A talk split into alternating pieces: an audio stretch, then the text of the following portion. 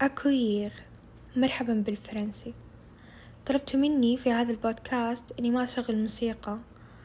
وتبغوا بدون موسيقى فعشان كذا أحب أعتذر على ممكن إنكم تسمعوا صوت هوا صوت أشياء مزعجة صوت الشارع. كانت الموسيقى ساترة أشياء مرة كتير هذا البودكاست آه حيكون كمان برضو شوية مختلف لأني حأتكلم فيه وأتناقش فيه أكثر ما إني أسمع كلام. أو إنه أقول كلام مكتوب كثير. يعني حأقول كلام مكتوب لكن برضو فيه حتكون نقاشات. فكمان حبيت إني أطول شوي البودكاست حطوله قد ما أقدر. لكن ما أتوقع إنه حيكمل عشرين دقيقة. لكن نقول إنه حأحاول أوصل لعشرين دقيقة. سم وسط السكر السكر شي حلو لكنه مضر وكثرته ممكن تدمرك جسديا وصحيا لكن هل سألت نفسك إيش هو السكر اللي يدمر نفسيا؟ نعم يا عزيزي المستمع هي العلاقة السامة. إيش هي العلاقة هذه اللي ممكن تدمرني وأنا مو حاس أو عارف بس خايف من الوحدة؟ خلينا نتفق إنه في نوعين من الناس في التعامل مع هذا السكر السام. النوع الأول اللي مو عارف إنه هذا سم نفسي. حسباله إنه هذا سكر وإنه دي الناس تحبه وإنه هو الحساس وإنه هذا الناس مو بتقلل من شأنه لكن هو اللي يفكر وهو وهو وإلى آخره. النوع الثاني وهذا النوع اللي حنتكلم عنه بكثرة اللي هو عارف إنه هذا سم وخطير لكنه يخاف من الوحدة. وحبدأ أتكلم عن النوع الثاني.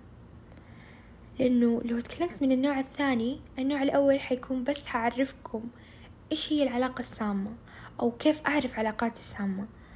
والأول مرتبط بالثاني. طيب خلينا على وثاق وخلي دي القاعدة أساسية ودائما خليها في بالك. الوحدة إحنا اللي نختارها مو هي اللي تختارنا وهذا بكل اختصار. لا تخاف من شيء. انت مختاره. انت اللي تبي تكون وحيد. مو مو الوحدة اللي جاتك. انت اللي رحت لها.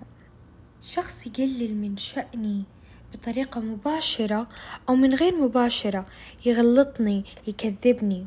مين أنت عشان تقلل من شأني؟ كذا أقول بكل ثقة. مين أنت عشان تقلل من شأني؟ أنا فلان.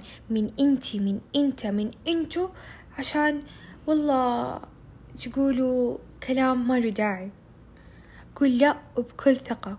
تقدر بيهم أو بدونهم. أنهي هذا السم. وقف أكله. لا تشتري اللي باعك. يروح شخص يجي غيره ألف. حب نفسك. اكتفي بنفسك. لا تقول لي شخص أحبك وأنت ما تحب نفسك.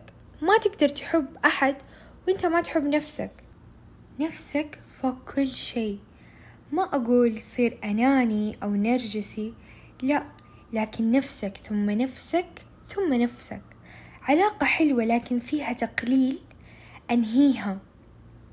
عادي كن مكتفي. في مقولتين سمعتها مرة حلوة وقد إيش سمعتها تقريبا قبل سنين أو مو سنين يعني سنتين. قد إيش؟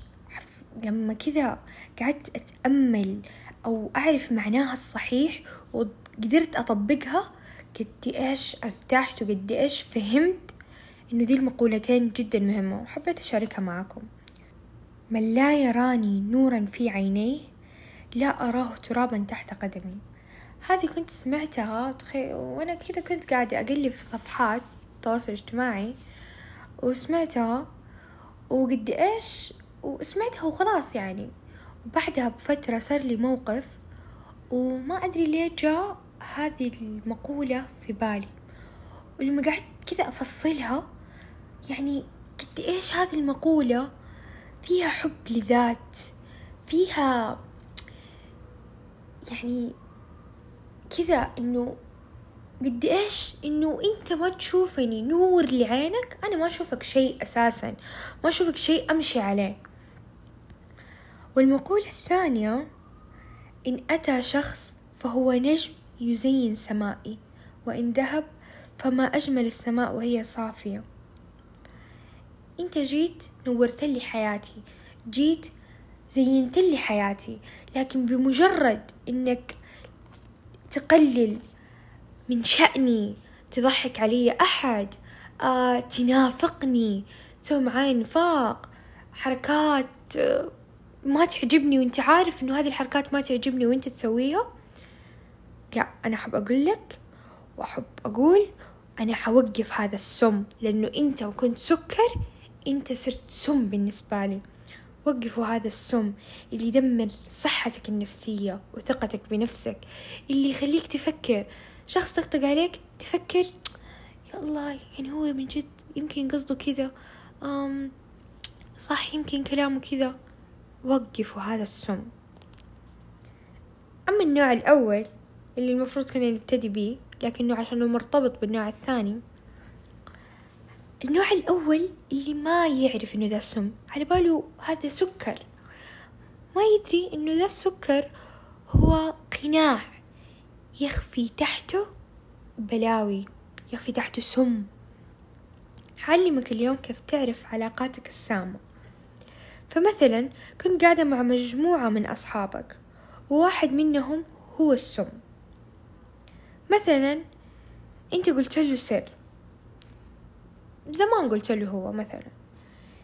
يقوم هو من غيرته من استغلاله يقول هذا السر عشان يضحك عليك البقية أو يسكتك.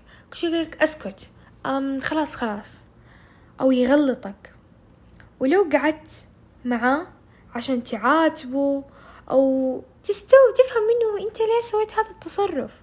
يصرخ عليك ويقول لك أنت حساس أم أو ينفعل عليك أو يحاول يفتعل معك المشاكل ويطلع نفسه البريء عشان يحسسك إنه أنت غلط إنه أنت سيء إنه أنت إنه هو الضحية أو ينافق معاك. طيب مثلا أحد يجي يقول لي طب أنا كيف أنا مثلا شاكك في أحد؟ أنا أو مو شاكك أنا طب كيف أعرف علاقاتي السامة؟ حط حط العلاقة اللي تحس إنك متوتر فيها في اختبار. ما أقول لك اختبر كل علاقاتك لا. اللي مو مرتاح فيها يعني حطها في اختبار. واصلا العلاقات تبان مع المواقف. الخطأ إنك تكمل في هذه العلاقة السامة وإنت عارف إنه هذا سم. انتبه انتبه انتبه انتبه. هذا السم خطير حيدمرك. حيدمرك حيخليك ما تشوف نفسك في المراية تقول أنا إنسان سيء آه الناس ما تحبني. مو الناس ما تحبك أنت ما أنت عارف الناس اللي تمشي معاهم. تحسوا بالقلة يعني حتفقدوا شغفكم للحياة وثقتكم بنفسكم. لو مثلا كان عندك وزن زايد يجي ذا الشخص ينتقدك ينتقدك ينتقدك. قدام الناس يضحك عليك الناس. لكن أنت تحب ذا الشخص لأنه مثلا صديق قديم لكن تغير مع الوقت. أتحول كان سكر لكن أتحول إلى سم. هنا أنت سوي stop قول لا مع السلامة. أنهي ذا الشيء. وصدقني لما تنهي ذا الشيء حترتاح حتحس إنه لا أنا إنسان كويس. أنا فعلا ما ما كنت بهذا السوء أو بهذه الصورة اللي كان ذا الشخص يحسسني بيها.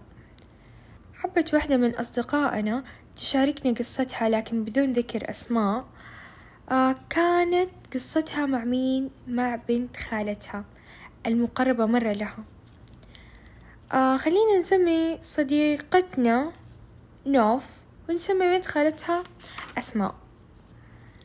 نوف كانت تعرف إنه أسماء تغار منها لكن كانت تخاف إنه تخسرها مع إنه نوف ما كانت وحيدة إلا إنها تبغى دي العلاقة. بس نوف عرفت آه، بنت خالها أو أسماء على صحباتها. كانت أسماء تشوه سمعة نوف بين صحباتها وكانت تطلع عنها كلام وتقول إنه نوف تقول عنكم كذا وإلى آخره. لكن صحبات نوف ما صدقوها وراحوا كلموا نوف وقالوا لها إنه أسماء تطلع عنك ذا الكلام وتقول عنك وتقول عنك وإحنا ما حبيناها وذي البنت باينة من البداية. لكن نوف مع الأسف كذبت صحباتها وقالت إنه مستحيل إنه هذه أصلا بنت خالي وانتوا أكيد ما أنتوا اللي أنتوا اللي أنتوا كويسين وانتوا تطلعوا عنها وانتوا غيرانين مننا. مع انه نوف كانت شاكة لكن نوف كانت عند أقارب أهلها اللي هي ناحية خالاتها وخلانها كانت وحيدة. لكن لما تكون مع أسماء كان يجيها اهتمام من خالاتها ومن خلانها وزي كذا. ف نوف اكتشفت مع الأيام إنه فعلا كلام صحباتها طلع صح. وأكدوا لها هي كانت شاكة لكن اتأكدت طبعا نوف قطعت علاقتها مع أسماء لكن بعد إيش؟ بعد ما تدمرت نفسيا وبعد ما جاتها أفكار سيئة عن نفسها. لكن صحباتها سامحوها لأنه هذول هم الصحبات الصح ورجعوها. ونوف حبت تقول لنا أعرف مين تماشي. لأنك راح تتأثر فيهم وإنت مو حاس. وحب أشكر نوف على هذه القصة آه اللي مشفرة أنا اسمها. وفعلا أعرف مين تماشي لأنه صدقوني حيأثروا عليكم وإنت مو حاس. حتى أهلك أمك وأبوك ممكن إنهم ما في أحد كامل. أمنا وأبونا ممكن يسوي تصرفات ما تعجبنا. لكن أكبر دليل إن إحنا قاعدين نتأثر باللي حولنا مثلا أم يقول أبو كان يدخن. أنت كطفل وأنت صغير حتقول إنه أنا عمري ما حأدخن وإنه هذا تصرف أبوي غلط وإنه إنه.